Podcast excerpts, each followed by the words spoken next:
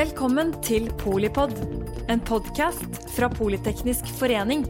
Et kunnskapsbasert medlemsnettverk for bærekraftig teknologi og samfunnsutvikling. Velkommen til eh, Polipod, der eh, topplederen møter eh, toppolitikeren.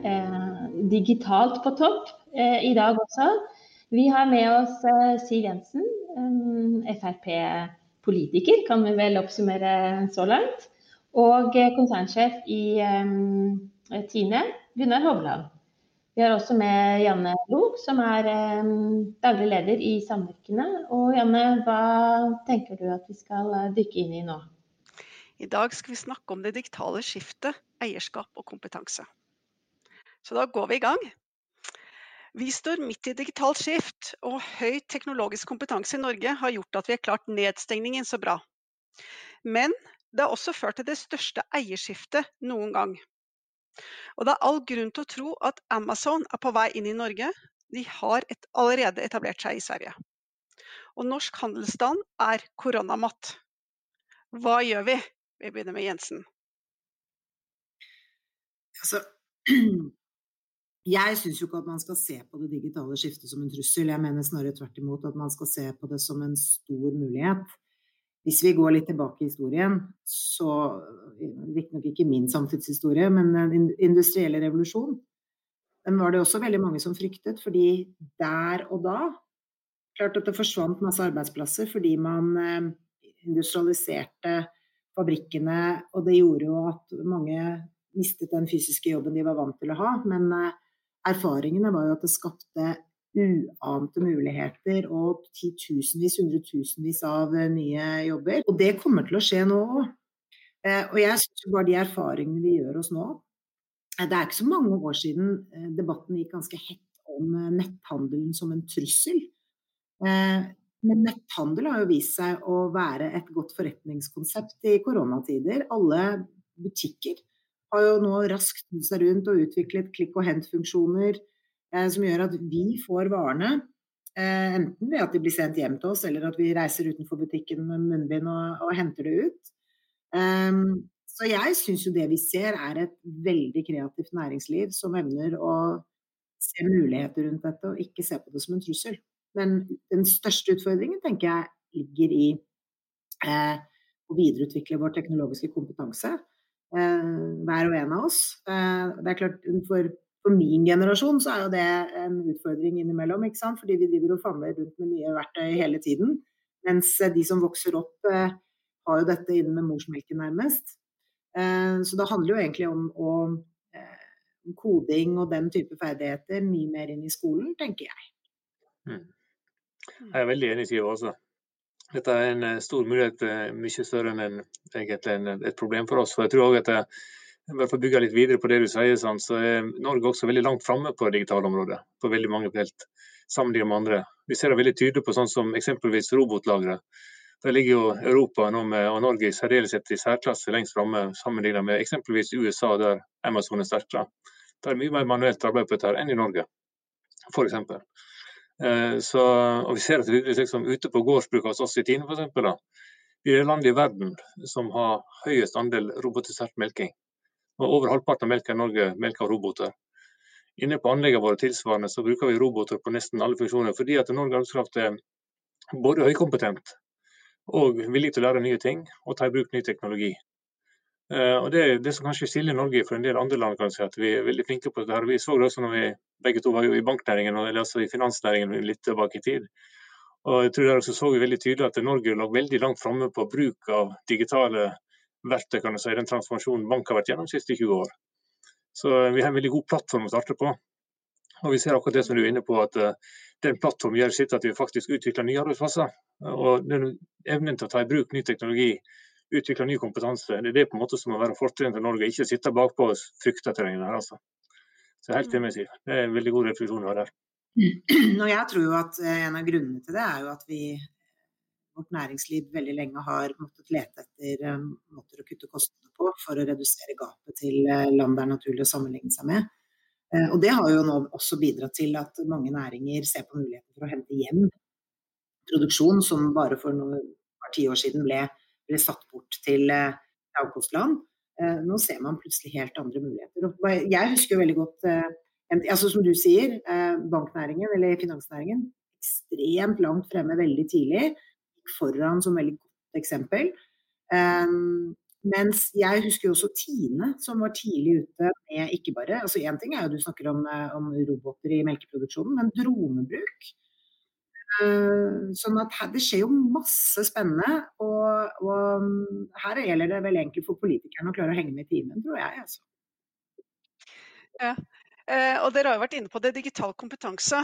Uh, hvordan sikre at vi får, norsk, får tilgang på norsk, nok kompetanse. Eh, hva, hva, hva tenker du Hovland? Altså det, det, er en utfordring naturligvis i dag at eh, akkurat som Siv er inne på, at det går jo veldig fort framover dette her. Si hvis vi tenker at det er kun de som kommer nyutdanna ut som skal bli flinke digitalt, så mislykkes vi jo. Så For oss som industri for eksempel, så er det ekstremt viktig at vi klarer å få med oss den 70-80-90% som både har evne og vilje til å lære seg nye ting og bruke ny teknologi. Og Det ser vi som sagt både ute på gårdsbruk og med bruk av roboter. Vi ser det med GPS-bruk på traktorene på jordet, sånn at vi kan få ned gjødselforbruket, avrenning, mye mer bærekraftig produksjon ved å bruke moderne teknologi. Det er like mye 50-60-åringene som det er 20-30-åringene. Fordi at du lager læringstrapper som er mulig å gå selv for, for alle generasjoner. Det samme prøver vi å få til også inne på meieriene våre ute på lagrene våre, sånn at vi får med oss folka på dette. og Lærer vi å bruke ny teknologi og blir sultne på å bruke ny teknologi, sånn at vi blir det som Siv var inne på, mer effektive som industri. Og kan levere enda bedre ut, sånn at vi har en konkurransekraftig industri i Norge med norske arbeidsbetingelser. For Det er en stor utfordring som vi, vi ser at eh, Hvis ikke vi på en måte blir blant de beste i verden til å utnytte teknologien som kommer der og bygge kompetanse rundt det, så blir vi forbikjørt av de utenfor oss som har andre betingelser å drifte på. Så Vi må bare lykkes med dette. Da må vi ha med oss både de som er i næringslivet i dag.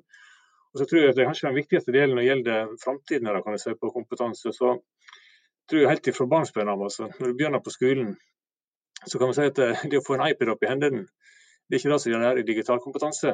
Du må lære deg å bli sulten på det som går på bakenfor iPaden. Som handler om kodingen og det å se at du kan faktisk lage et eller annet selv og bli sulten på å lære ikke bare å sitte og seppe på en iPad, men faktisk finne ut om hvordan du kan lage prosesser ut av det som ligger bakenfor der. Da ser jeg veldig godt på de ungene som på en måte vokser opp med foreldre som stimulerer den egenskapen. De er jo helt fantastiske å få ut i næringslivet etterpå. Eh, så det at vi kan bygge et skoleverk kan si, som starter veldig tidlig med dette, er også en veldig viktig del av. Og at vi også i sluttfasen av skoleverket er veldig tett integrert med det som er næringslivets behov. At vi kan liksom få studenter som kommer ut som har jobber med relevante problemstillinger og kan gå rett inn i, i jobber hos oss som vi kan eh, dra nytte av kan si, for å ta, ta, i bruk ny teknologi og den kompetansen som utvikles. da. Jensen, eh, vi, nordmenn har jo høy gjennomsnittlig teknologisk kompetanse. Hva, hva blir myndighetenes rolle videre for å, for å, skaffe og bedre den kompetansen vi enda har? Altså, jeg tror Hovland sier noe viktig her. Altså, en ting er jo at vi selvfølgelig kommer til å trenge flere eh, ingeniører med, med IT-kompetanse, programmerere og den type ting. Men vi trenger jo også at hver enkelt av oss har ferdigheter i å bruke digitale verktøy. Eh, sånn at og når jeg sa i sted at det er viktig her at politikerne evner å henge med, så handler jo det om å legge eh, utdanningsinstitusjonene våre til rett, altså at de må være tilrettelagt for dette i all type undervisning. Det er ikke bare sånn at du skal lære deg koding og den type ting som er utslagsgivende her. Det handler jo om Eh, digitale verktøy i undervisningen. Og det kommer jo mye med. Altså, det har jo kommet som en revolusjon de siste årene. Det er jo ikke så veldig lenge siden vi hadde diskusjoner om man skulle bruke iPader i klasserom og sånn. Så eh, dette går veldig fort. Men det handler rett og slett om å ha tilstrekkelig fleksibilitet i, i eh, eh, rammeverket for eh, skolene. Og, ikke minst at, at høyere utdanning osv. er mer på på nett i forhold til, ja, bokstavelig talt, eh, men å samarbeide med, med, næringslivet for å hele tiden være mest mulig hands on i forhold til de behovene som er der ute. Sånn at man får ut av, av um, universiteter og høyskoler den kompetansen som etterspørres til enhver tid. Da er det jo også litt sånn Hvor mange studieplasser legger du til rette for på de enkelte studiene? Det er mange store, viktige debatter her. Uh, men syns vi ligger godt til rette allerede nå. Men så har du andre diskusjoner oppi dette òg, som vi ikke har vært inne på så langt. Og det er jo når alle disse store digitale, eller disse gigantene kommer og etablerer seg. Så dette er globale selskaper. Og en debatt som vi har holdt på med en god stund, handler jo om hvordan man skal skattlegge de, mm. sånn at de de bare stikker av med profitten uten at de legger igjen mm. noe i, i de respektive land. Og det har vært, en litt, eh, vært et lengre lerret å bleke, for å si det forsiktig. Mm, mm. Det er vanskelig å skattlegge globale selskaper, spør i alle land, men, men, det er viktig. Eh, digitalisering og distriktene. Eh, kan digitalisering bidra til levende distrikter, eh, Jensen? Ja, Uh, og en av, en av, de diskusjonene som hele tiden pågår i politikken, handler jo om f.eks. å legge til rette for uh, uh, god nettdekning, bredbånd, fiber eller hva det nå måtte være.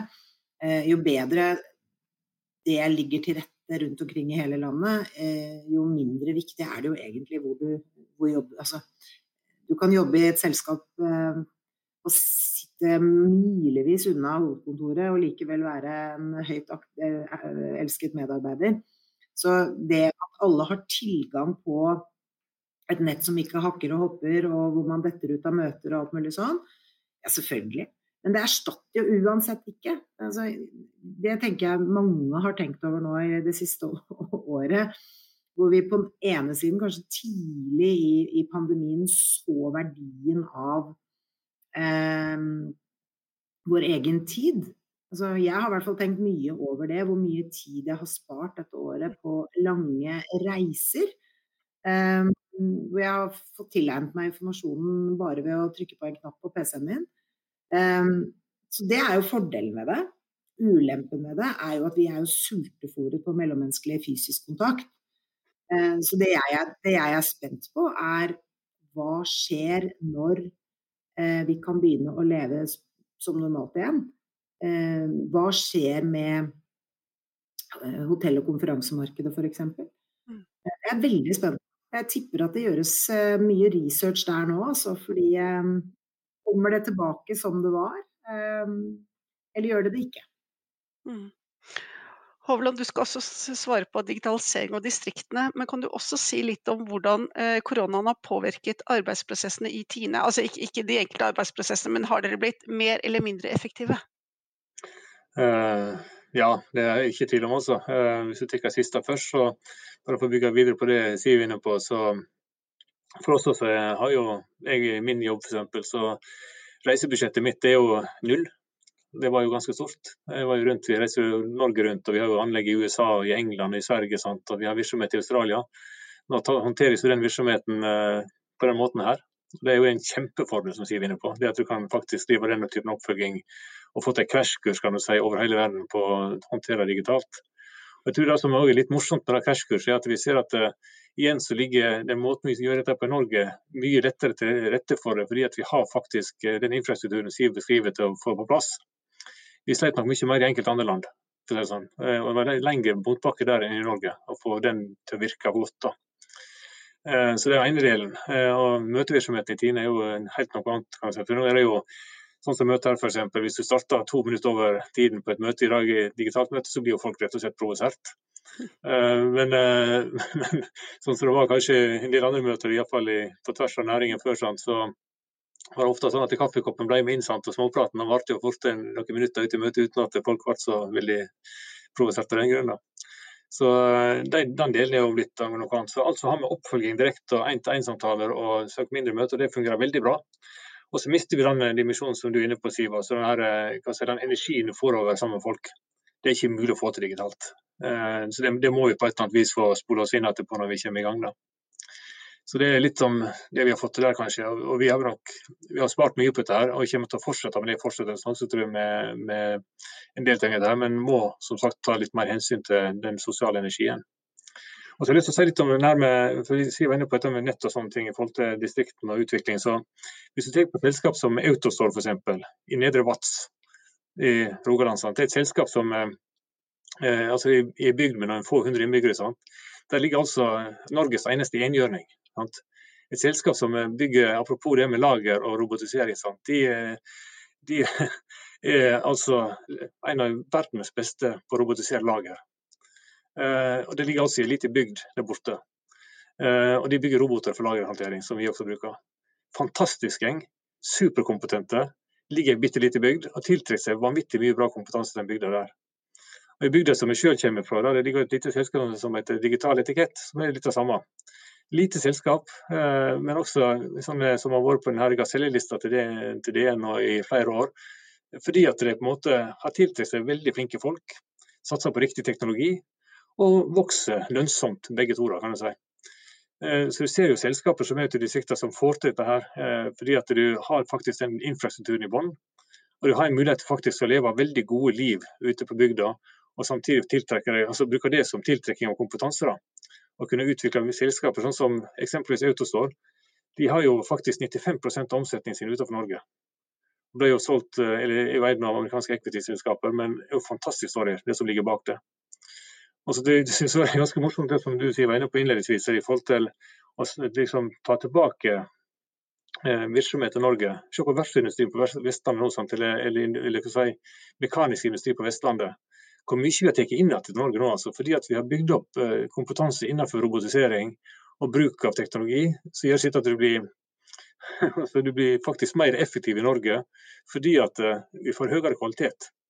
Eh, rett og slett med å robotisere, i stedet for at du har billig arbeidskraft eh, kan si, borti Kina i andre land, som gjør alle mennesker gjør, sant, at du gjør en del feil.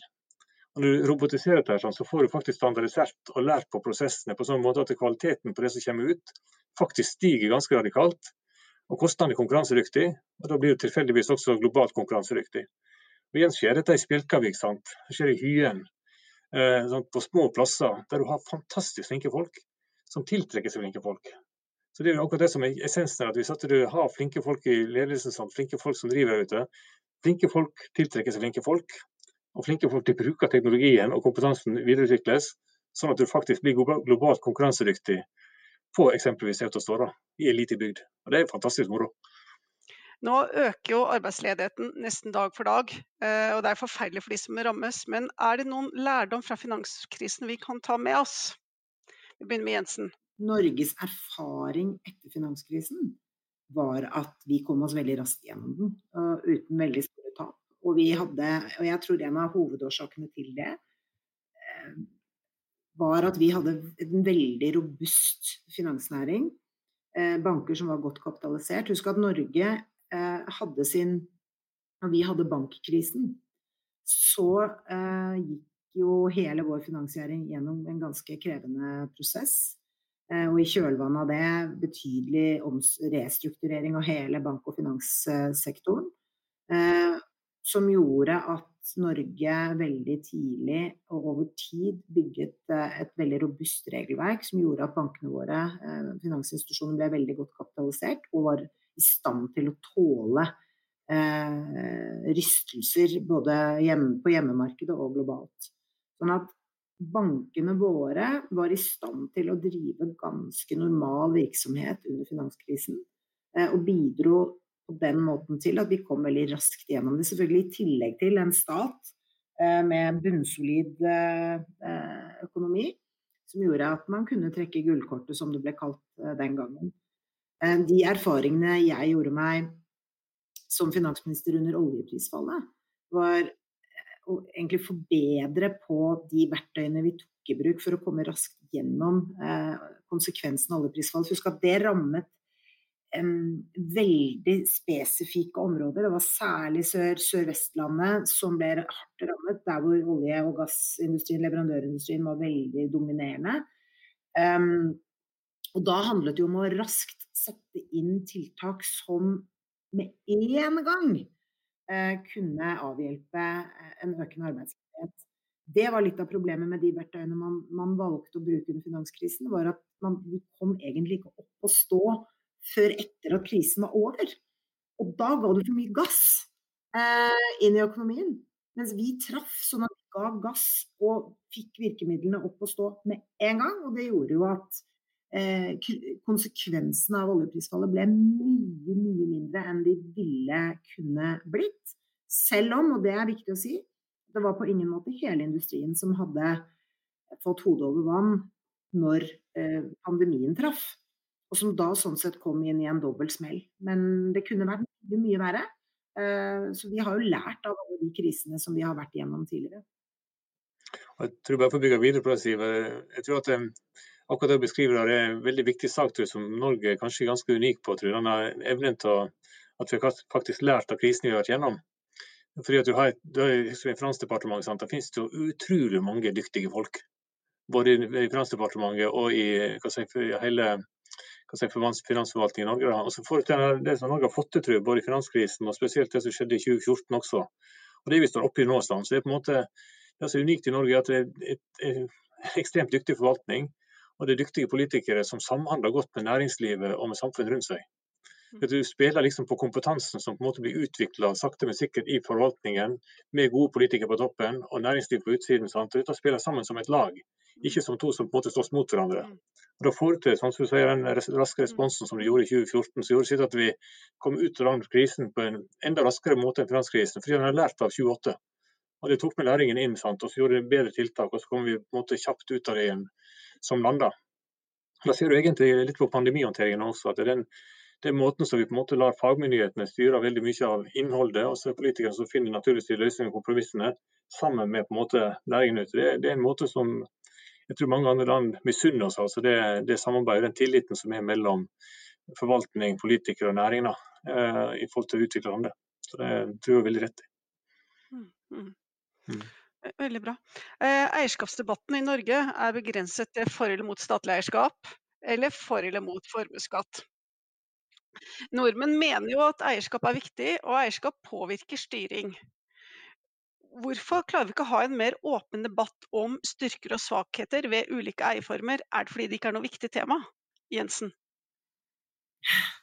Det er veldig mye partipolitikk i spørsmålene. Eh, og jeg syns det er veldig leit. Eh, vi vet veldig godt hva slags næringsstruktur vi har i Norge. Husk at de aller fleste bedriftene vi har, er små, mellomstore, privateide bedrifter. Og det er de som rammes særs hardt av eh, norsk formuesskatt. Eh, av og til, liksom, men, men, i, den politiske ordskiftet rundt dette så karikeres jo eh, formuesskattdebatten ved at man, man, henger ut noen enkeltpersoner som ja, har store formuer, eh, og så blir de på en måte eh, symbolene på hvorfor man da ikke skal gjøre noe med formuesskatten. Men den er særnorsk. Og den rammer norsk eierskap mye hardere enn utenlandsk eierskap i Norge. Eh, og hvis det er sånn at vi virkelig ønsker å styrke det nasjonale eierskapet, som jeg hører mange politikere romantiserer ut, da må man være villig til å gjøre noe med de eh, verktøyene som hindrer det. Um, så det er jo den ene debatten. Den andre debatten er jo dette med om man er for eller imot eh, statlig eierskap. Og der har jeg en veldig pragmatisk holdning. Eh, jeg, altså, historisk sett så har vi fått mye statlig eierskap i Norge fordi vi en lang periode hadde begrenset med tilgang på privatkapital. Eh, nå er det bildet endret en del. Men samtidig så har staten så mye kapital, formue, som må plasseres et eller annet sted. Og derfor så har vi jo utviklet ganske god eierstyring, eh, eller mekanismer hvor staten som enten 100% eier eller deleier i en del av de store eh, lokomotivene våre. Eh, altså Man kan utøve det eierskapet uten at, det går, uten at det går politikk i det. Så vi har en veldig hands off-strategi eh, i Norge som tjener oss veldig godt. Og så hva er alternativet? Hvis Norge hadde vært i en eh, situasjon hvor vi ikke hadde masse penger på bok, så ville nok eierskapsdebatten vært annerledes. For da ville jo det ville vært nødvendig å selge seg ned for å frigjøre de pengene eh, til å investere i annen type infrastruktur i samfunnet. Vi trenger jo ikke det. Det er ikke penger Norge, AS Norge mangler.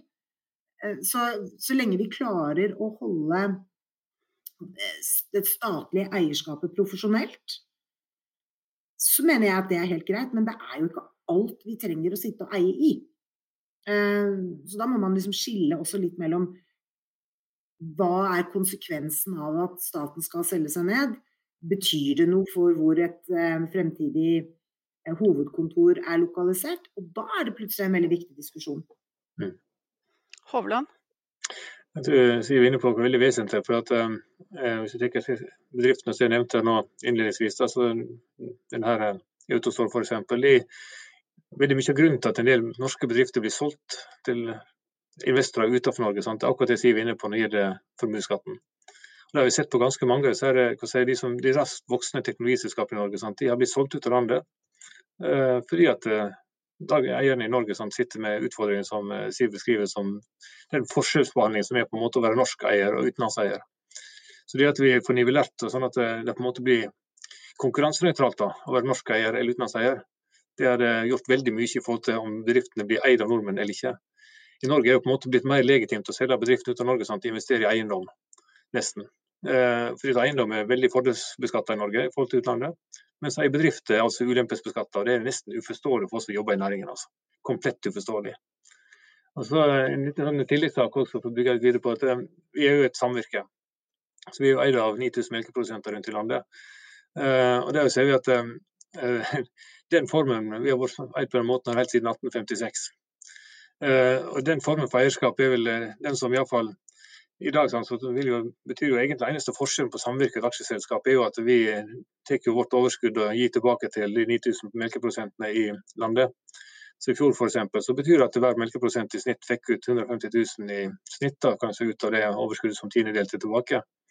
Og Den måten er jo på en måte samvirkebedriften faktisk, eh, i forhold til det vi snakker om nå, så så er samvirkebedriftene eh, sånn skattemessig og sånn posisjonsmessig, så er de faktisk fordelaktige for eierskap. For de er veldig fastlåst i forhold til å være, bli, fortsette som før. Så har vi vitsa ganske mye med denne Coop-videoen. Der den litt mitt, litt ditt-videoen som handler om det samvirket som Coop er.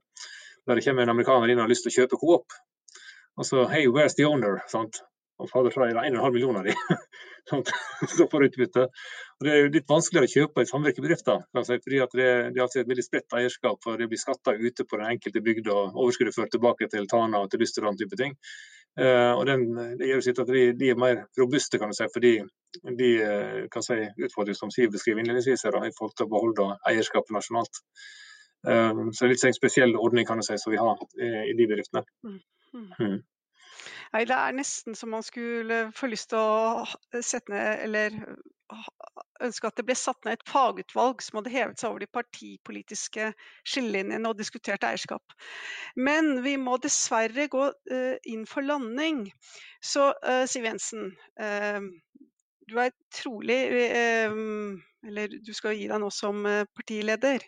Hvilket råd vil du gi til de som vinner valget og skal danne regjering til høsten?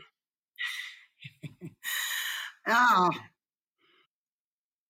Vi kommer jo snart eh, forhåpentligvis tilbake til en eller mer normal situasjon hvor vi ikke øser ut penger som vi må gjøre nå pga. å håndtere de veldig dramatiske konsekvensene av pandemien. Og da betyr det at vi, kommer, skal tilbake til en tid hvor eh,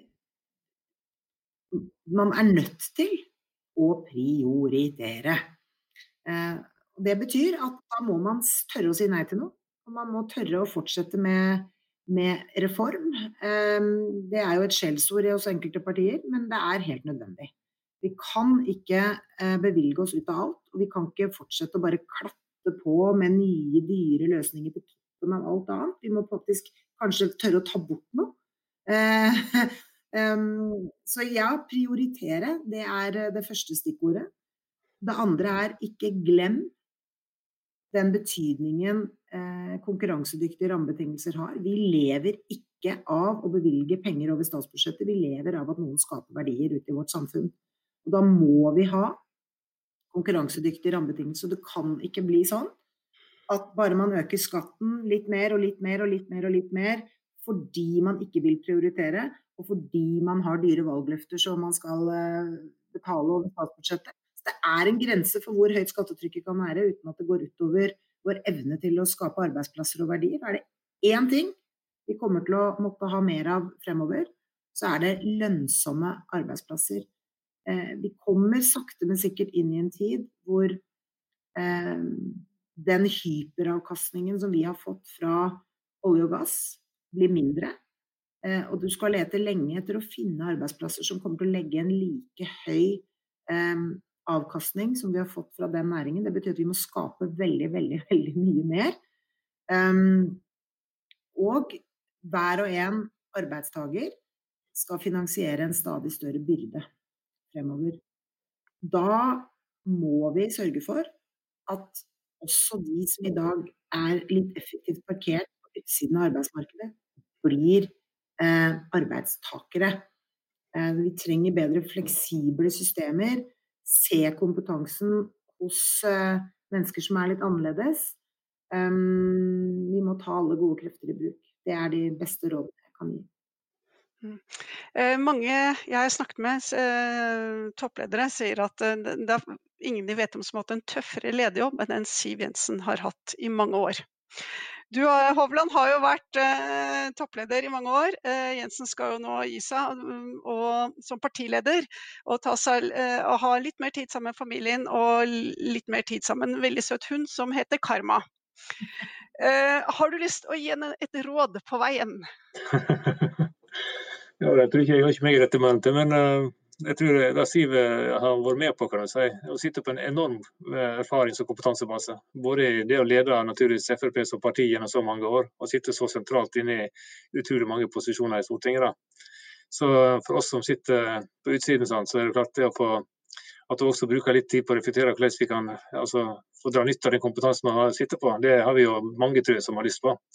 Eh, for det, det du har sittet i kan du si, av eh, både krisehåndtering og styring av landet vårt og styring av partiet, der sitter du på en kompetansebase som er nok veldig få andre som er i nærheten av. Så da er det en diger bank vi kunne tenkt oss å dra nytte av.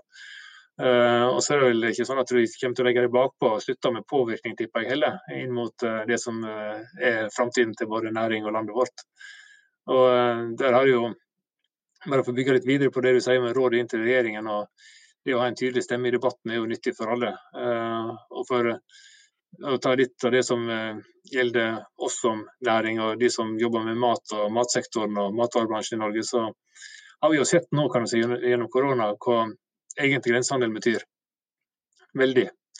Eh, inn mot hele sektoren. altså kom Stor lekkasje der. Og det å få nivellert eh, naturligvis avgiftsnivået, eh, eller hva si, rammebetingelsene for det å næring i Norge med næring utenfor Norge, det er ekstremt viktig skal vi skape den konkurransekraftige industrien som du peker på, Siv.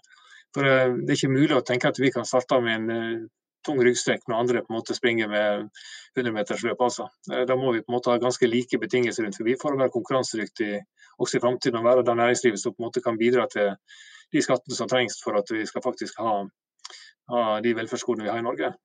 Da må næringslivet være konkurransedyktig. Det kan ikke vi være hvis vi på en måte blir pålagt veldig mange andre rammebetingelser enn det de som sitter litt på utsiden av oss har. Så det er kanskje en sånn veldig viktig jobb hvis du skal inn og liksom virkelig dytte på og hjelpe oss. Så det er den jobben som jeg ser framover, som vi tror du har fått lært veldig mye om og kan trykke på med veldig tung fagkunnskap. Så jeg ønsker deg veldig lykke til med fortsettelsen etter du går ut av den jobben du har i dag. Jeg må bare få lov å legge til, for Av og til så blir det jo fremstilt som at jeg nå skal liksom, uh, gå av med pensjon.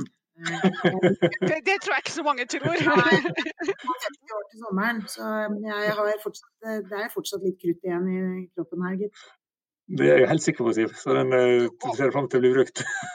du kommer til å få mange tilbud, så det, det er det ingen som er bekymret for.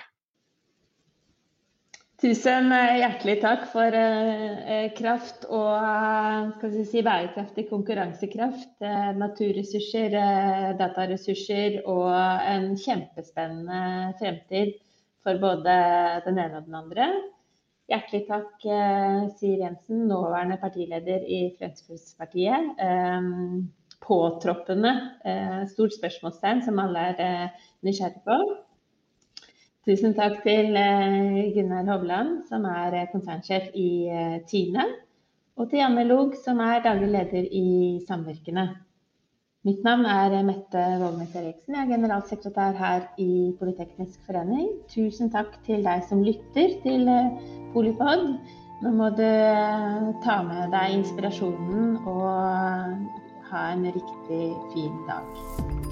Takk for at du lyttet til Polipod fra Politeknisk forening. Få med deg flere episoder, eller bli med på nettverksmøtene som du finner på at polyteknisk.